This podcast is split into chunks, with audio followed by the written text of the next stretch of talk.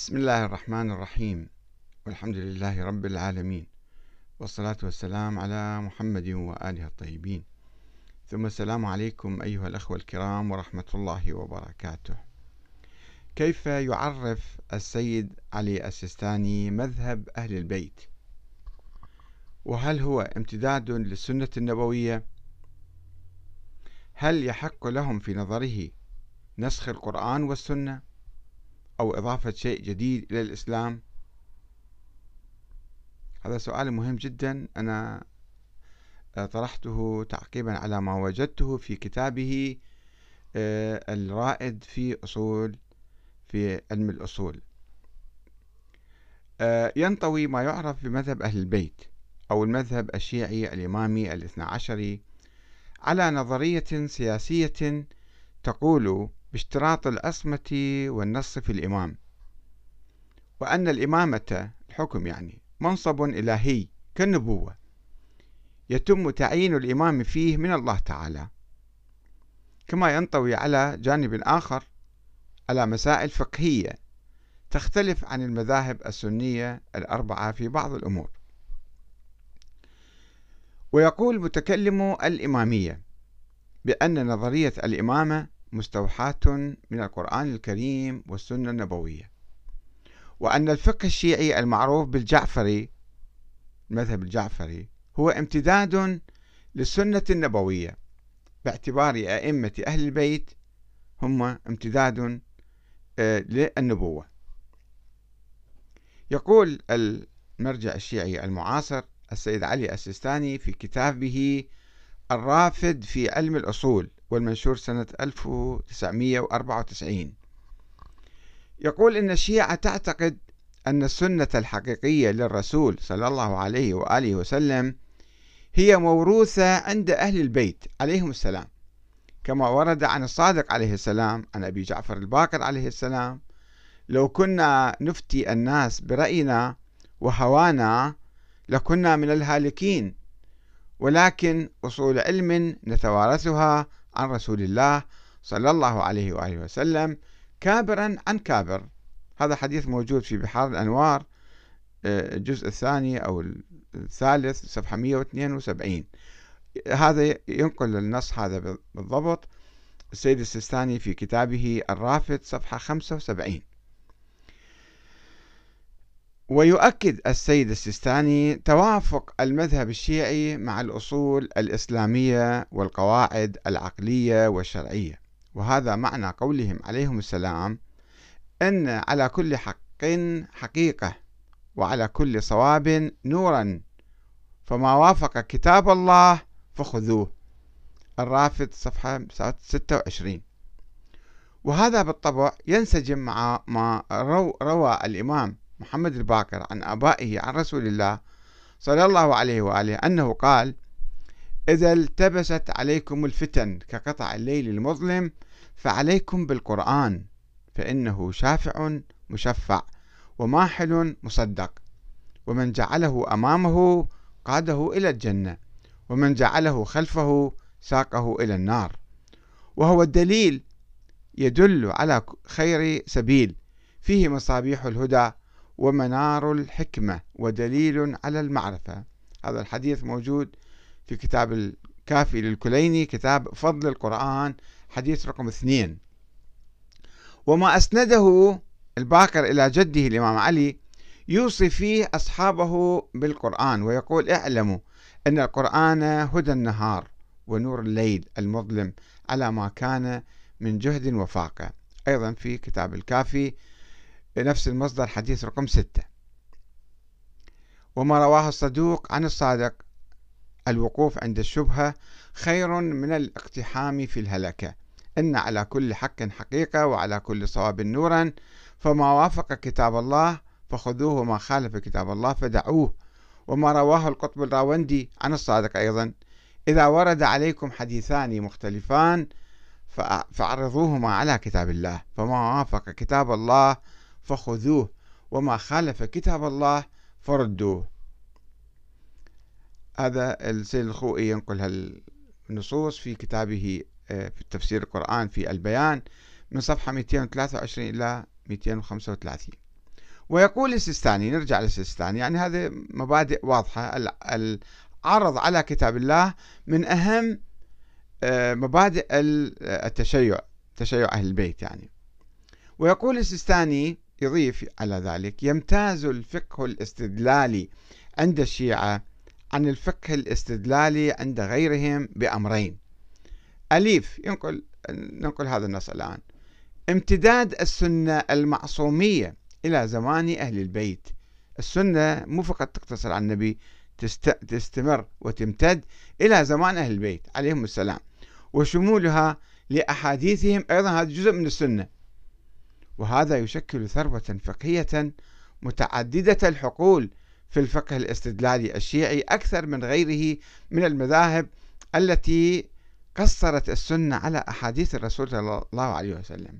صفحة 79 يعني هو الآن يوسع السنة يقول السنة هم قصروا. ما هو السنة؟ يعني سنة النبي. ويضيف السيستاني بأن التشيع الثقافي هو الذي بدأت بذرته بالنمو منذ زمن الإمام الباقر عليه السلام.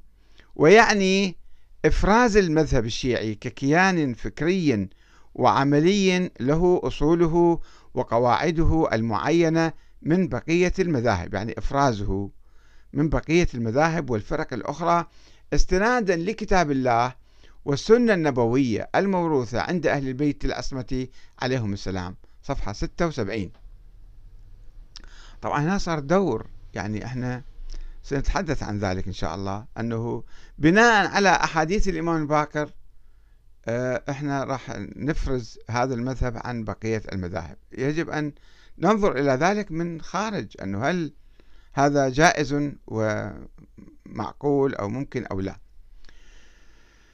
وربما كان السيستاني يعني بالتشيع الثقافي ما يعرف بالفقه الجعفري. اللي بناء على ابن جعفر الصادق اشتهر بالفقه الجعفري اللي هو الفقه الباقري أيضا.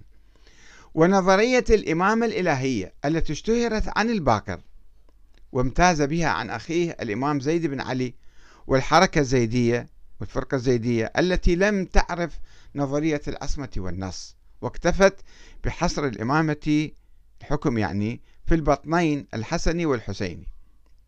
وعلى أي حال فإن هناك سؤالا كبيرا طرح منذ الزمن الأول عن نسبة التشيع الثقافي الفقهي والنظري السياسي إلى أئمة أهل البيت. أنه فعلا أئمة أهل البيت كانوا يتبنون هذا الفكر وهذا الفقه أم لا؟ ولا سيما الإمامين الباقر والصادق. نظرا لورود روايات كثيرة عنهم فيها اختلاف وتناقض وخروج عن القرآن والسنة النبوية وتتضمن غلوا كبيرا إلى حد ادعاء النبوة ونزول الملائكة عليهم والعلم اللدني والإلهام وما شابه. فهل كان هذا الاختلاف في الروايات المتناقضة من الأئمة أنفسهم؟ هم كانوا يتكلمون أشكال متعددة أم من الرواة الكذبة الغلاة والمندسين في أتباع أهل البيت؟ وبالتالي ما وصلنا عنهم من أفكار قد تكون بعيدة عن القرآن. هذه أفكار الغلاة وأفكار المندسين وليست أفكارهم. هذا كان سؤال مطروح من الأيام الأولى. وبالتالي الآن نحن أمام سؤال مهم جدا. ما هو مذهب أهل البيت؟ وهل كان يوجد لديهم مذهب واحد معروف وثابت وصريح أم كانت هناك مذاهب مختلقة عديدة تنسب إليهم كذبا وزورا. في الحقيقة لا يمكن الإجابة عن هذا السؤال بسرعة وبساطة وسهولة بعد أربعة عشر قرن من الزمان إلا بالقيام بعملية اجتهاد عميقة وشاملة للتراث الإمامي وتنقية هذا التراث من أقوال الغلاة والكذابين والمندسين الذين تآمروا على أهل البيت وشوهوا مذهبهم في حياتهم. وتبدأ الخطوة الأولى من إعادة النظر فيما يسمى بعلم الكلام علم الكلام الشيعي والبحث في أساس شرعية وحجية الأئمة وأقوالهم ولا سيما شرعية وحجية الإمام محمد بن علي الباقر. وهذا ما يؤكده علماء الشيعة أنفسهم عبر التأريخ. يقول السيد السيستاني في كتابه الرافد في علم الأصول هذا العلم ويعني به علم الأصول أو الفقه أو التشيع الثقافي يقول امتداد لعلم الكلام لأن علم الكلام يبحث عن الخلافات العقائدية بين الفريقين وهذا العلم يبحث عن الخلافات الفقهية الفرعية ولذلك نلاحظ الارتباط الوثيق بين علم الكلام وعلم الأصول وعلم الفقه في كثير من البحوث. مما دعا أمثال الشيخ المفيد إلى كتابة رسالة الإعلام في الفقه الخلافي أو الإعلام في الفقه الخلافي كتكملة لكتابه أوائل المقالات المدون في العقائد كما أن كتاب الانتصار للسيد المرتضى يعد شرحا لكتاب الإعلام للمفيد لتطابقهما في العناوين وبعض العبارات.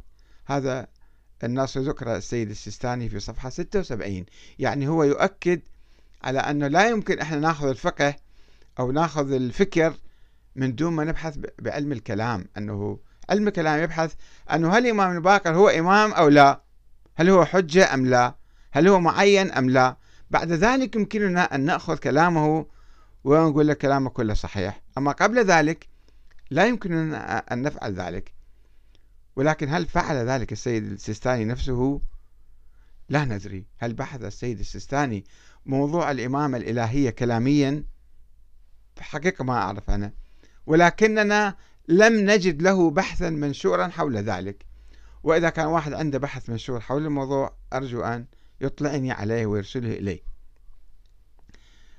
ويخلو كتابه الرافد في علم الأصول.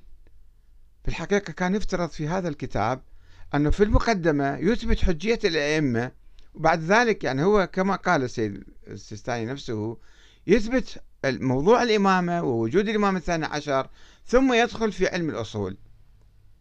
ولكن كتابه هذا الرافد في علم الأصول يخلو من بحث موضوع الإمامة أو وجود الإمام الثاني عشر الذي يتمم القائمة الاثنى عشرية التي قام على أساسها المذهب الاثنى عشري في القرن الرابع الهجري على يد الشيخ المفيد والمرتضى والطوسي والصدوق.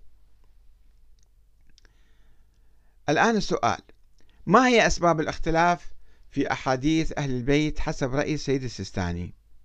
هو قال في البداية هناك روايات متناقضة ومختلفة ويعني متعددة فما هي أسباب الاختلاف؟ يبحث ذلك في موضوع في كتابه هذا الرافد في علم الأصول. ولكن السيد السيستاني يبحث بتفصيل موضوع الاختلاف في أحاديث أهل البيت فيقول إن أسباب الاختلاف قسمان أسباب داخلية وأسباب خارجية. والمقصود بالأسباب الداخلية هي الأسباب التي صدرت من قبل أئمة أهل البيت أنفسهم والمقصود بالأسباب الخارجية هي الأسباب التي صدرت من الرواة والمدونين فالأسباب الداخلية عدة منها واحد النسخ وهذا شيء خطير جدا حقيقة يذكر السيستاني وما أدري الآن لا هو يؤمن به أو لا هل راجع نفسه؟ لأن تحدثنا عن ذلك سابقا قبل سنتين تقريبا وطلبنا منه أن يعيد النظر في هذا الموضوع ولا ندري حتى الآن هو أعاد النظر أم لا يزال يؤمن وتلاميذه وخاصة السيد منير الخباز الذي كتب آه، هذا الكتاب كتب دروس السيد السيستاني في هذا الكتاب تقريراته يعني. هل هو يؤمن أيضا سيد العلماء الآخرين؟ هل يؤمنون أو لا؟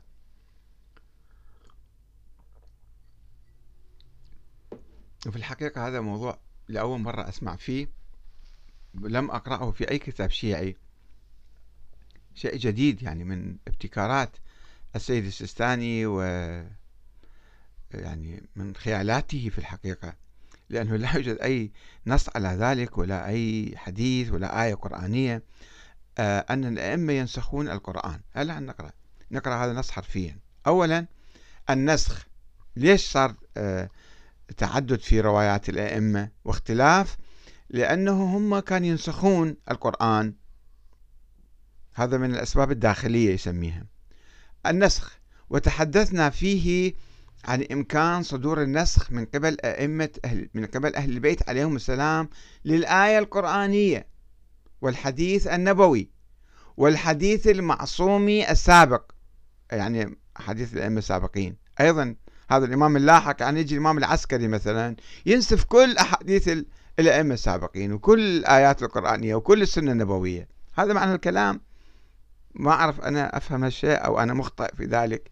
يعني أنا يعني يصعب علي النطق بذلك. يقول وأقسام النسخ من النسخ التبليغي الذي يعني كون الناسخ مودعا عندهم.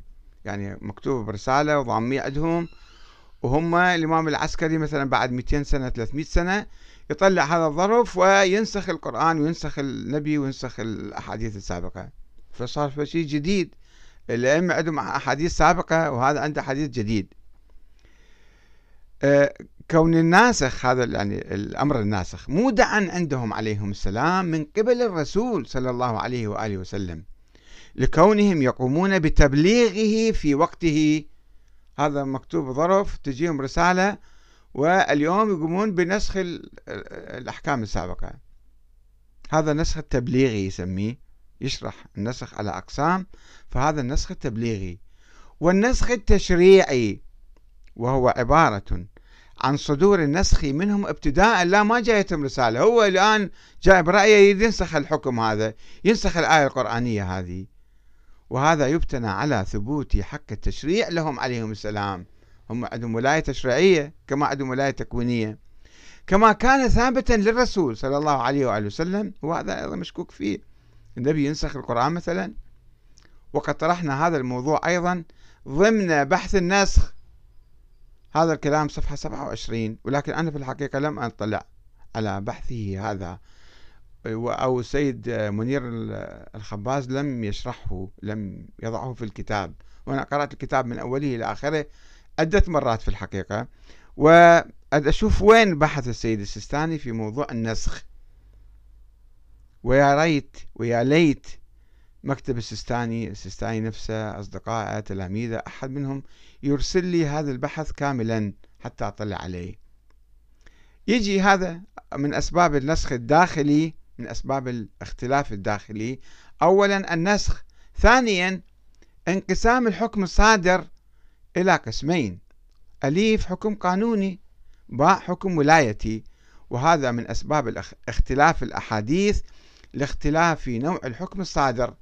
وهناك نبحث عن الفارق بين الحكمين وعن وجودهما في أحاديث في أحاديثنا يعني أحاديث أهل البيت الجاية لنا وعن حدود الحكم الولايتي مع بيان حدود ولاية الفقيه وانقسامها للولاية العامة والولاية في الأمور العامة. هذا بتفصيل جاوزة.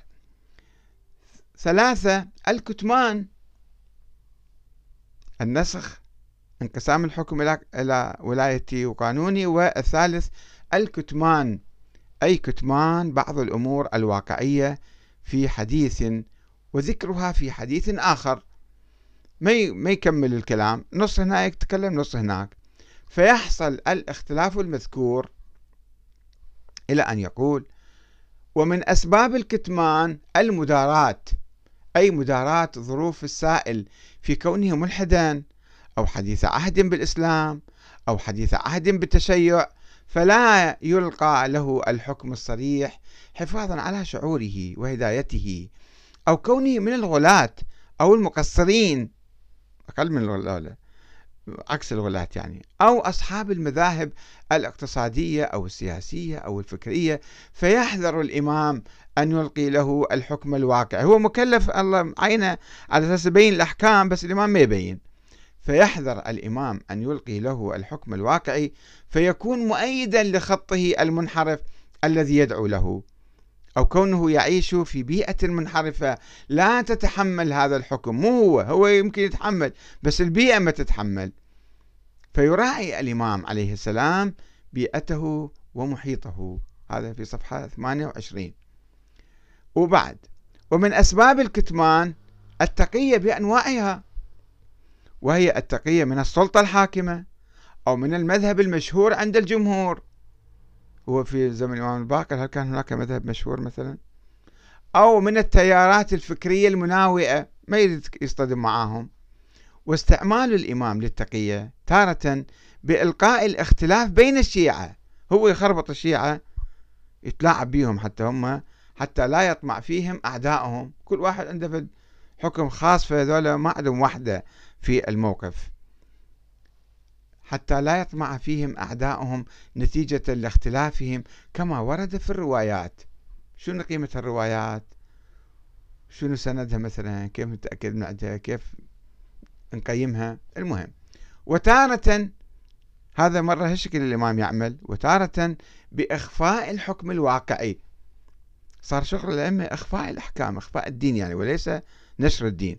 ونوع الأحكام التي يصح فيها طريق إلقاء الاختلاف بين الشيعة. هو الإمام متعمد يخربط الشيعة. وهذا بيان إجمالي للأسباب الداخلية لاختلاف الحديث. صفحة 29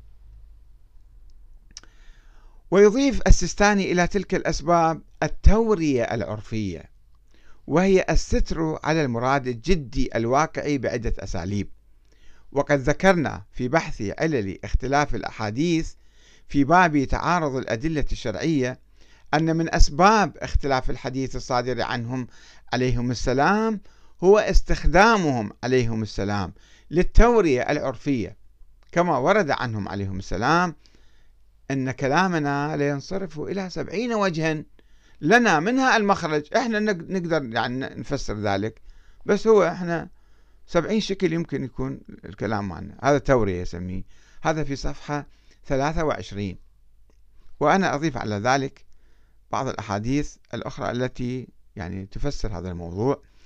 آه، أقول روى الكليني عن الصادق أنه كان يفتي الناس أحيانا حسب انتماءاتهم وربما غير فتواه في مجلس واحد عدة مرات. راجعوا كتاب الكليني الكافي كتاب الحجة في معرفتهم أولياءهم والتفويض إليهم أن هم أحرار شو يتكلمون؟ حديث رقم ثلاثة. ونقل الكليني أيضا عن موسى بن أشيم. قال كنت عند أبي عبد الله فسأله رجل عن آية من كتاب الله عز وجل فأخبره بها فسر لي ثم دخل عليه داخل فسأله عن تلك الآية فأخبره بخلاف ما أخبر به الأول فسرها بشكل ثاني فدخلني من ذلك كما شاء الله حتى كان قلبي يشرح بالسكاكين. فقلت في نفسي تركت أبا قتادة بالشام لا يخطئ في الواو وشبهه وجئت إلى هذا يخطئ هذا الخطأ كله. فبين أنا كذلك إذ دخل عليه آخر فسأله عن تلك الآية فأخبره بخلاف ما أخبرني وأخبر صاحبي. فسكنت نفسي ما أدري ليش. فعلمت أن ذلك منه تقية. قال ثم التفت إلي فقال لي يا ابن أشيم إن الله عز وجل فوض إلى سليمان بن داود فقال هذا عطاؤنا فمن أو أمسك بغير حساب. وفوض إلى نبيه صلى الله عليه وسلم ما أتاكم الرسول فخذوه وما نهاكم عنه فانتهوا فما فوض إلى رسول الله فقد فوضه إلينا. إحنا أيضا عندنا قدرة نتلاعب بالدين هذا واحد من الغلاط طبعا. موسى بن أشيم ويبدو عليه من المفوضة. جايب حديث هذا أنه إيه إحنا كيف ما نريد نحكي يعني ونتكلم كلام فعلا عجيب وغير معقول. هذا طبعا في كتاب الكافي كتاب الحجة باب التفويض إلى رسول الله ولأئمة أمر الدين. حديث رقم اثنين. وذكر الكليني في الكافي أيضا عدة روايات عن أبي عبد الله الصادق يتعمد فيها الإفتاء المتعدد والمتغير في واقعة واحدة وأنه قال لأحد أصحابه المرة أبي عمرو الكناني قال له يا أبا عمرو أرأيتك لو حدثتك بحديث أو أفتيتك بفتيا ثم جئتني بعد ذلك فسألتني عنه فأخبرتك بخلاف ما كنت أخبرتك سابقا وأفتيتك بخلاف ذلك بأيهما كنت تأخذ؟ قال بأحدثهما وأدع الآخر. فقال قد أصبت يا أبا عمرو وأبى الله إلا أن يعبد سرا. أما والله لئن فعلتم ذلك إنه لخير لي ولكم وأبى الله عز وجل لنا ولكم في دينه إلا التقية الكليني الكافي كتاب الإيمان والكفر. باب التقية حديث رقم سبعة. يعني شنو صار الدين الآن حسب هاي الأحاديث التي قد يصدق بها السيستاني وبناء على ذلك يحاول يشرحها ويفصلها. وكأنها يعني مسلمات عنده ما رفضها ما قال هذه أحاديث صحيحة بعضها وأحاديث كذب وموضوعة بعضها. آه، هذا أيضا شيء من هذول الناس اللي ينقلون عن الإمام الصادق آراء متعددة وفتاوى متعددة ويتلاعبون وينسبوها للإمام الصادق وإحنا نجي بعد 1400 سنة نصدق فيها. كأنها وحي كأنها قرآن منزل يعني. ما نتوقف حتى نقول له هذا الراوي أبو عمرو الكناني أنت كذاب. أو ذاك ابن أشيم أنت مفوض ملعون كذاب. وكل أحاديثكم كذب في كذب. تكذبون على أئمة أهل البيت. يواصل السيستاني الحديث. عن أسباب الاختلاف في أحاديث أئمة أهل البيت. فيتحدث عن الأسباب الخارجية التي قام بها الرواة والمؤلفون كالوضع والنقل بالمعنى والتقطيع للروايات والخلط بين كلام الإمام وكلام غيره من الفقهاء في سياق واحد من قبل الراوي. طيب إذا إذا علينا أن نحقق في هذه الروايات. لا أن نقول الأئمة ينسخون القرآن لأن هذول هم نفسهم اللي دي ينقلون هالروايات الغلاة والكذابون مرة يقولون الأئمة ينسخون القرآن مرة يقولون الأئمة تنزل عليهم الملائكة مرة يقولون الأئمة يؤولون القرآن تأويلات تعسفية. وإحنا يجب أن نصدقهم؟ أم يجب أن نشكك فيهم؟ أن نرفض أقوالهم؟ هذا الرافد صفحة 29 إلى 35 يبين أسباب الاختلافات الخارجية. ولا خلاف في الواقع. حول الأسباب الخارجية المتعلقة بالرواة والمحدثين ولكن الكلام المهم يتركز حول الأسباب الداخلية وبالخصوص دعوى الإمام الإلهية أن هم منصوبون معينون من قبل الله تعالى التي تفرعت عنها دعوى صلاحية الأئمة في نسخ القرآن والسنة النبوية أو إضافة أمور جديدة في الإسلام لم تعرف عن النبي الأكرم وليست موجودة في القرآن الكريم. وكذلك قدرة الأئمة على ممارسة التقية وكتمان الدين لهم حق. هذا الكلام كله هذا كلام عجيب غريب وبعيد عن القرآن وبعيد عن الإسلام. وأيضا الأئمة كانوا يلقون الاختلافات عمدا يلعبون بالشيعة طوبة يعني كما يقول السيد السيستاني. وهذا أمر خطير جدا. قد يفتح بابا على تأسيس دين جديد وليس مذهبا إضافيا إلى جانب المذاهب الأخرى.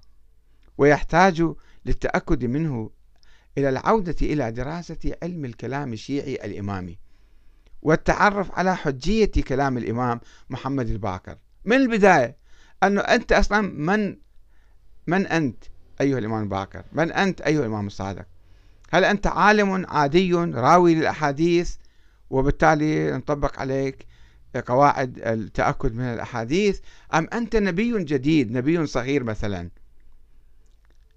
الإمام باكر الذي ابتدأ التحدث عن نظرية الإمامة الإلهية والفقه الخاص الجعفري. فهذا يحتاج لبحث أساسي حقيقة من أساس الموقف من الإمام الباكر فهل كان الإمام الباكر راويا لأحاديث رسول الله فقط أم إماما معينا من من قبل الله تعالى وامتدادا للنبوة وحاملا سريا للسنة النبوية المخفية؟ اللي ما حد يعرفها إلا الإمام جايين ناقليه مطي كما يقول السيد السيستاني.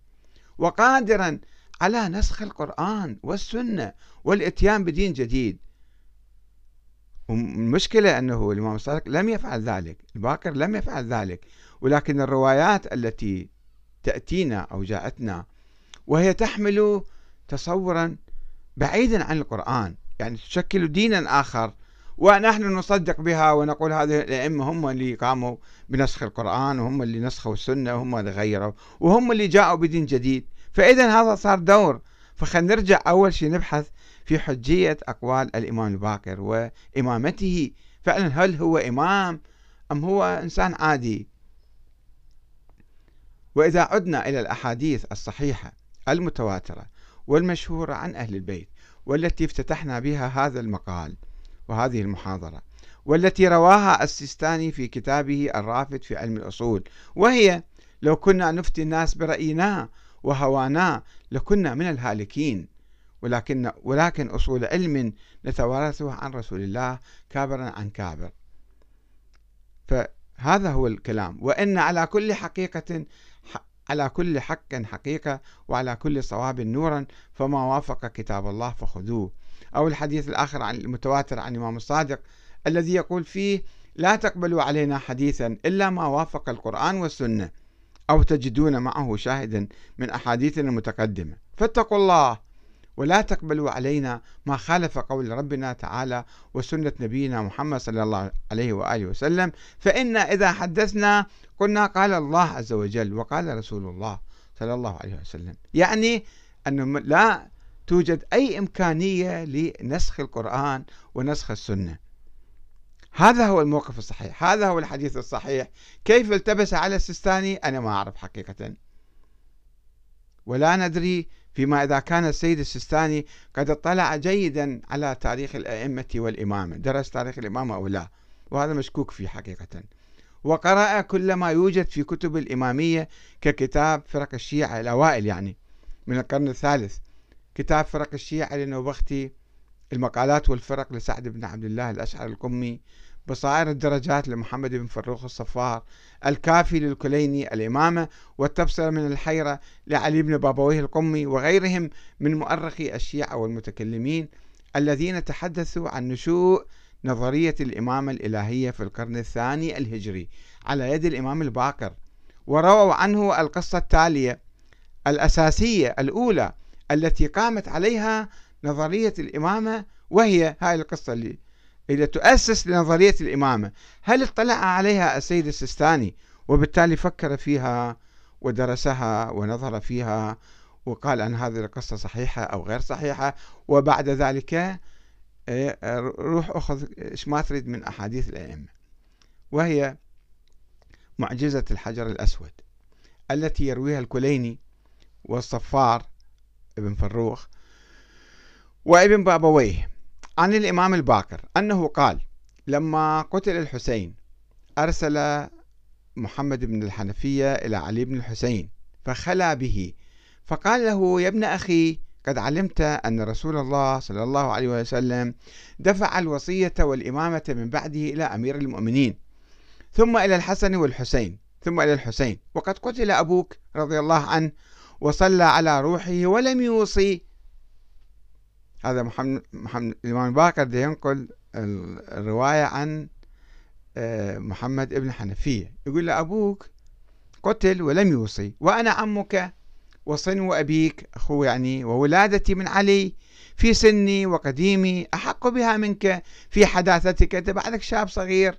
فلا تنازعني في الوصية والإمامة ولا تحاجني فقال له علي بن الحسين يا عم اتق الله ولا تدعي ما ليس لك بحق. إني أعظك أن تكون من الجاهلين. إن أبي يا عم صلوات الله عليه أوصى إلي قبل أن يتوجه إلى العراق وعاهد إلي في ذلك قبل أن يستشهد بساعة. وهذا سلاح رسول الله عندي. فلا تتعرض لهذا. فإني أخاف عليك نقص العمر وتشتت الحال. إن الله عز وجل جعل الوصية والإمامة في عقب الحسين. فإذا أردت أن تعلم ذلك فانطلق بنا إلى الحجر الأسود حتى نتحاكم إليه ونسأله عن ذلك. هاي الرواية يرويها الإمام الباكر قال أبو جعفر الباكر وكان الكلام بينهما بمكة. طيب نسأل الإمام الباكر أنت كم سنة كان عمرك؟ أربع خمس سنوات. هل أنت شاهدت القصة؟ هل واحد روالك إياها؟ هم هل هي من خيالك مثلا؟ هذا سؤال أسئلة عادية تأتي يعني. قال أبو جعفر الباكر وكان الكلام بينهما بمكة فانطلقا حتى أتيا الحجر الأسود. فقال علي بن الحسين لمحمد بن الحنفية ابدأ أنت فابتهل إلى الله عز وجل وسله أن ينطق لك الحجر ثم سل.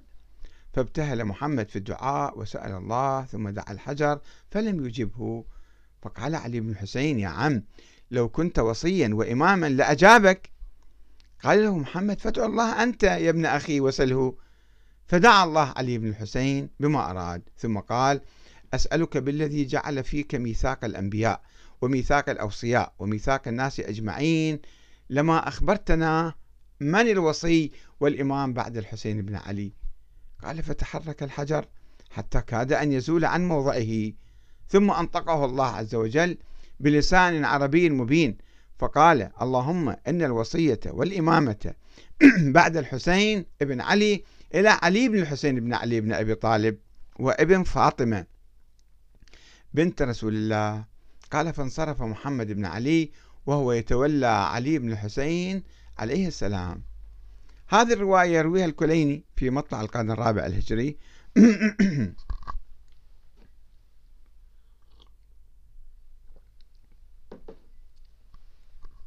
يرويها الكليني في الكافي كتاب الحجة باب ما يظل به دعوى المحق والمبطل في أمر الإمامة. حديث رقم خمسة. وابن فروخ الصفار في كتابه بصائر الدرجات جزء عشرة صفحة 502 وابن بابويه علي بن بابويه الصدوق آه، في كتابه الإمامة والتبصرة من الحيرة صفحة 60 وإذا صحت هذه الرواية عن الإمام الباقر نحن لا ندري بالحقيقة ذول يروها يعني بأسناد أو بدون أسناد.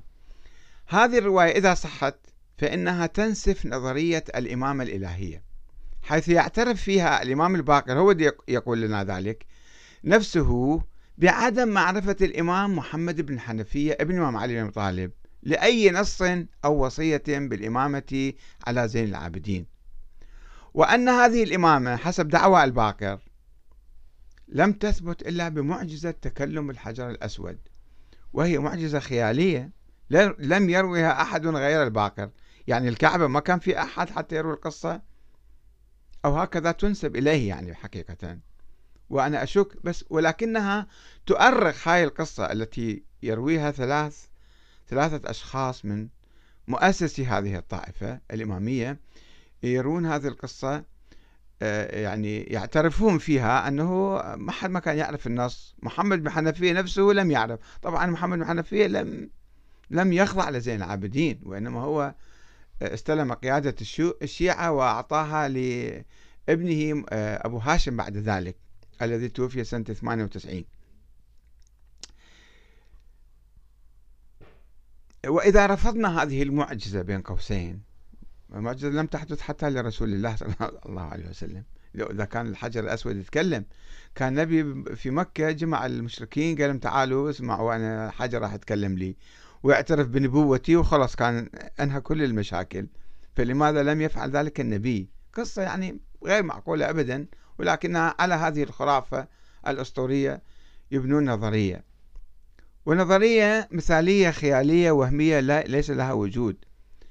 وإذا رفضنا هذه المعجزة التي تشكل أساس نظرية الإمامة الإلهية فإن محمد الباقر يصبح عالما عاديا أو مجتهدا أو راويا لبعض الأحاديث عن آبائه وأجداده فقط. وليس إماما معصوما معينا من قبل الله كما يقول الإمامية. ويترتب على ذلك الشك في في الأسباب التي قدمها السيد علي السيستاني في تحليله لظاهرة اختلاف الأحاديث الواردة عن أهل البيت ولا سيما الأسباب الداخلية كالقدرة على نسخ القرآن والسنة النبوية وامتلاك أحاديث سرية خاصة عن النبي الأكرم أو حقه بممارسة التقية وكتمان بعض الأمور الدينية وإلقاء الاختلاف بين الشيعة أو التورية في التعبير عن بعض الأحكام والتلاعب بالشيعة والمسلمين يعني بالحقيقة. وتصبح كل هذه الأسباب غير معقولة ولا جائزة ولا شرعية. ويبقى التفسير الوحيد للتناقض لتناقض بعض الروايات اللي جاية عن الأئمة هو إما الاجتهاد اجتهاد سابق واجتهاد لاحق وإما نسيان الأحكام فتوى عنده سابقة ونساها بعدين فتوى أخرى. يقول العالم الرجالي الشيعي الكشي هذا كان في القرن الرابع في ترجمة عمر بن رباح. راجعوا الكتاب أنتم. قيل إنه كان هذا عمر بن رباح قيل إنه كان أولا يقول بإمامة أبي جعفر عليه السلام. صدق الإمام باقر هذا إمام من الله. ثم أنه فارق هذا القول وخالف أصحابه مع عدة يسيرة تابعوه على ضلالته. ربما هو اهتدى. وسابقا كان ضال. لا صار هو الآن ضل. تابعوه على ضلالته. فإنه زعم هذا الكشي يتكلم عالم رجال إمامي هذا يتكلم في ترجمة عمر بن رباح. فإنه زعم أنه سأل أبا جعفر عليه السلام عن مسألة الباقر يعني سأل الباقر. فأجابه فيها بجواب ثم عاد إليه في عام آخر وزعم أنه سأله عن تلك المسألة بعينها فأجابه فيها بخلاف الجواب الأول. فقال لأبي جعفر عليه السلام هذا بخلاف ما أجبتني في هذه المسألة عامك الماضي فذكر هذا عمر بن رباح أنه الباقر قال له إن جوابنا خرج على وجه التقية أنا كنت أسوي تقية وياك. فشك في أمره وإمامته فلقى رجلا من أصحاب أبي جعفر عليه السلام يقال له محمد بن قيس فقال حكى القصة يعني. فقال إني سألت أبا جعفر عليه السلام عن مسألتي فأجابني فيها بجواب ثم سألت عنها في عام آخر فأجابني فيها بخلاف الجواب الأول. فقلت له لم فعلت ذلك؟ قال فعلته للتقية. وقد علم الله أنني ما سألته إلا وإني صحيح العزم على التدين بما يفتيني فيه وقبوله والعمل به ولا وجه لاتقائه إياي. وهذه حاله. يعني شنو معناته يمارس تقية وياي؟ وأنا جاي أخذ الدين من عنده. فإذا دا يلعب وياي أنا هذا بعد ما أثق فيه هذا بعد مو إمام عندي. هذا رجال الكشي صفحة 205 هذه قصة حدثت و يعني آه، يمكن بها أن نحلل ظاهرة التناقض في أحاديث الأئمة. ثانيا البداء. وإضافة إلى سبب الاختلاف ذلك اللي هو مسألة التقية يأتي أيضا البداء الذي حدث بعد إشارة الإمام جعفر الصادق إلى ابنه إسماعيل كخليفة مرتقب من بعده وقد توفاه الله تعالى في حياته. فقال الإمام الصادق لقد بدا لله في إسماعيل الله غير رأيه. ولكن قسما من الشيعة رفض الاعتراف بالبداء. وأنكر وفاة قال الله ما يغير رأيه. إذا عين واحد إمام يعني هو الإمام يعني هذا ما ميت. هاي اللي موته نفوا وفاة إسماعيل. هذا الفريق أنكر وفاة إسماعيل. وزعم بأن عملية دفنه كانت مسرحية. أعدها صادق للتقية. كل شيء يمكن بعد نفسره بالتقية. هاي التقية كان حتى الأشياء الظاهرية واحد ميت ودفنوه قدام الناس. وشيعوه عشرات أو مئات أو آلاف وهذا يصبح تقية مسرحية تصير هذه. فصار منهج باطني منهج التأويل الباطني. وأصر هؤلاء على نقل الإمامة بعد الصادق إلى ذرية إسماعيل ثم شكلوا الفرقة الإسماعيلية التي أقامت الدولة الفاطمية في مصر. هذول فريق ما قالوا خلص ما دام الصادق قال إسماعيل خلص هو إسماعيل. وبعد ما يتغير الرأي. بينما قام بعض الإمامية آه، قسم آخر يعني بزعامة سليمان بن جرير أو جرير الرقي بمراجعة موقفهم من نظرية الإمامة الإلهية وأعلنوا كفرهم بها. وذلك حسب ما يقول أنه بختي خلنا نقرأ لكم نص كتاب أنه بختي في كتاب فرق الشيعة. يقول إنهم لما أشار جعفر إلى إمامة ابنه إسماعيل ثم مات إسماعيل في حياة أبيه رجعوا عن إمامة جعفر. وقالوا كذبنا ولم يكن إماما. هذا ضحك علينا. لأن الإمام لا يكذب ولا يقول ما لا يكون إذا أدى علم من الله. وهذا قال له إمام من بعدك يصير شلون يموت قبله؟ وحكموا على جعفر أنه قال إن الله عز وجل بدا له في إمامة إسماعيل. فأنكروا البداء والمشيئة من الله. قال هذا محاكي مو مضبوط. وقالوا هذا باطل لا يجوز. ومالوا إلى مقالة البترية. ومقالة سليمان بن جرير وهو الذي قال لأصحابه بهذا بهذا السبب أن أئمة الرافضة وضعوا لشيعتهم مقالتين لا يظهر لا يظهرون معهما من أئمتهم على كذب أبدا وهما القول بالبداء وإجازة التقية. فأما البداء فإن أئمتهم لما أحلوا أنفسهم من شيعتهم محل الأنبياء من رعي من رعيتها محل الأنبياء من رعيتها. في العلم أنه إحنا عندنا مثل علم, الأنبياء. فيما كان ويكون عندنا علمه والإخبار بما يكون في غد. وقالوا لشيعتهم إنه سيكون في غد وفي غابر الأيام كذا وكذا. فإن جاء ذلك الشيء على ما قالوه قالوا لهم ألم نعلمكم أن هذا يكون؟ فنحن نعلم من قبل الله عز وجل ما علمته الأنبياء. وبيننا وبين الله عز وجل مثل تلك الأسباب التي علمت بها الأنبياء عن الله ما علمت. وإن لم يكن ذلك الشيء الذي قالوا أنه يكون على ما قالوا صار بالعكس يعني قالوا لشيعتهم بدا لله في ذلك بكونه الله غير رأيه شو نسوي بعد إحنا؟ وأما التقية هذا موضوع البداء. وأما التقية فإنه لما كثرت على أئمتهم مسائل شيعتهم في الحلال والحرام وغير ذلك من صنوف أبواب الدين فأجابوا فيها وحفظ عنهم شيعتهم جواب ما سألوه وكتبوه ودونوه ولم يحفظ أئمتهم تلك الأجوبة لتقادم العهد وتفاوت الأوقات لأن مسائلهم لم ترد في يوم واحد ولا في شهر واحد بل في سنين متباعدة وأشهر متباينة. وأوقات متفرقة. فوقع في أيديهم في المسألة الواحدة عدة أجوبة مختلفة. عدة أجوبة, أجوبة مختلفة متضادة. وفي مسائل مختلفة أجوبة متفقة. فلما وقفوا على ذلك منهم ردوا إليها هذا الاختلاف والتخليط في جواب في جواباتهم. قالوا شلون أنتم فتواكم متناقضة مختلفة؟ سألوه وسألوهم عنه وأنكروه عليهم. قالوا هذا شلون أنتم أئمة؟ الله معينكم. وتفتون فتاوى متناقضة مختلفة فقالوا من أين هذا الاختلاف؟ هم الناس يعني قالوا الشيعة فقالوا من أين هذا الاختلاف؟ وكيف جاء وكيف جاز ذلك؟ قالت لهم أئمتهم عندما سألوهم واستنكروا عليهم هذا الاختلاف والتناقض قالت لهم أئمتهم إنما أجبنا بهذا للتقية.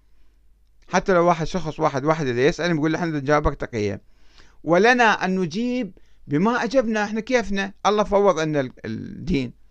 وكيف شئنا؟ لأن ذلك إلينا ونحن نعلم بما يصلحكم وما فيه بقاؤنا وبقاؤكم. إحنا عمدا نلقي الاختلاف بيناتكم. وكف عدوكم عنا وعنكم. تبرير يعني صار هذا. هذا كلام أئمتهم لي آه، لهم.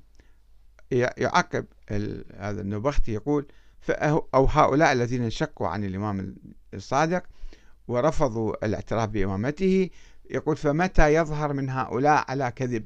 ومتى يعرف لهم حق من باطل؟ فمال إلى سليمان بن جرير هذا. لهذا القول جماعة من أصحاب أبي جعفر وتركوا القول بإمامة جعفر وهم السليمانية فرقة السليمانية هذا تجدوه في كتاب النوبختي فرق الشيعة صفحة 63 إلى 66 فإذا تحليل السيد السيستاني للاختلاف الوارد في كلام الأئمة والأحاديث تحليل غير صحيح وسطحي ومتسرع وغير دقيق في الحقيقة ويتغافل عن الأسباب الجوهرية الأساسية. وهذا يعود بالحقيقة كما أفهم يعني لعدم دراسته لتاريخ الأئمة ودراسة الكتب الشيعية القديمة وتاريخ الإمامة وأساسا علم الكلام. يعني التدقيق في إمامة الإمام محمد الباقر وجعفر الصادق. أنه من كيف أصبحوا أئمة حتى إحنا بعدين نصدق كل ما يقولون ونجي نبرر كلامهم ونقول هم الأئمة يعرفون المصلحة نصدق بكلامها يعني هذا الكلام. أما إذا إحنا رجعنا شفنا أصلا في القرآن الكريم ما ما يذكر ولا يتحدث عن الإمامة ولا أن الإمامة في هذه السلالة والسلالة العلوية الحسينية ولا يشترط الأسمى في الإمام في الحكام يعني. ولذلك السيد السيستاني الآن رجع إلى آه، الإيمان بنظرية مو بس الشورى بالديمقراطية أيضا.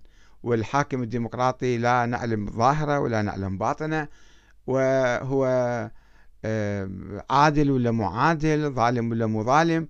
هذه كل المسائل اللي جاوزناها بس ينتخب من الناس فانتخبوه ويصير إمام عليكم. فأين النظريات القديمة السابقة والمغالية والمتطرفة والمثالية والخرافية من الواقع الذي يلتزم به اليوم السيد علي السيستاني المرجع الأعلى في العراق للشيعة؟ والسلام عليكم ورحمة الله وبركاته.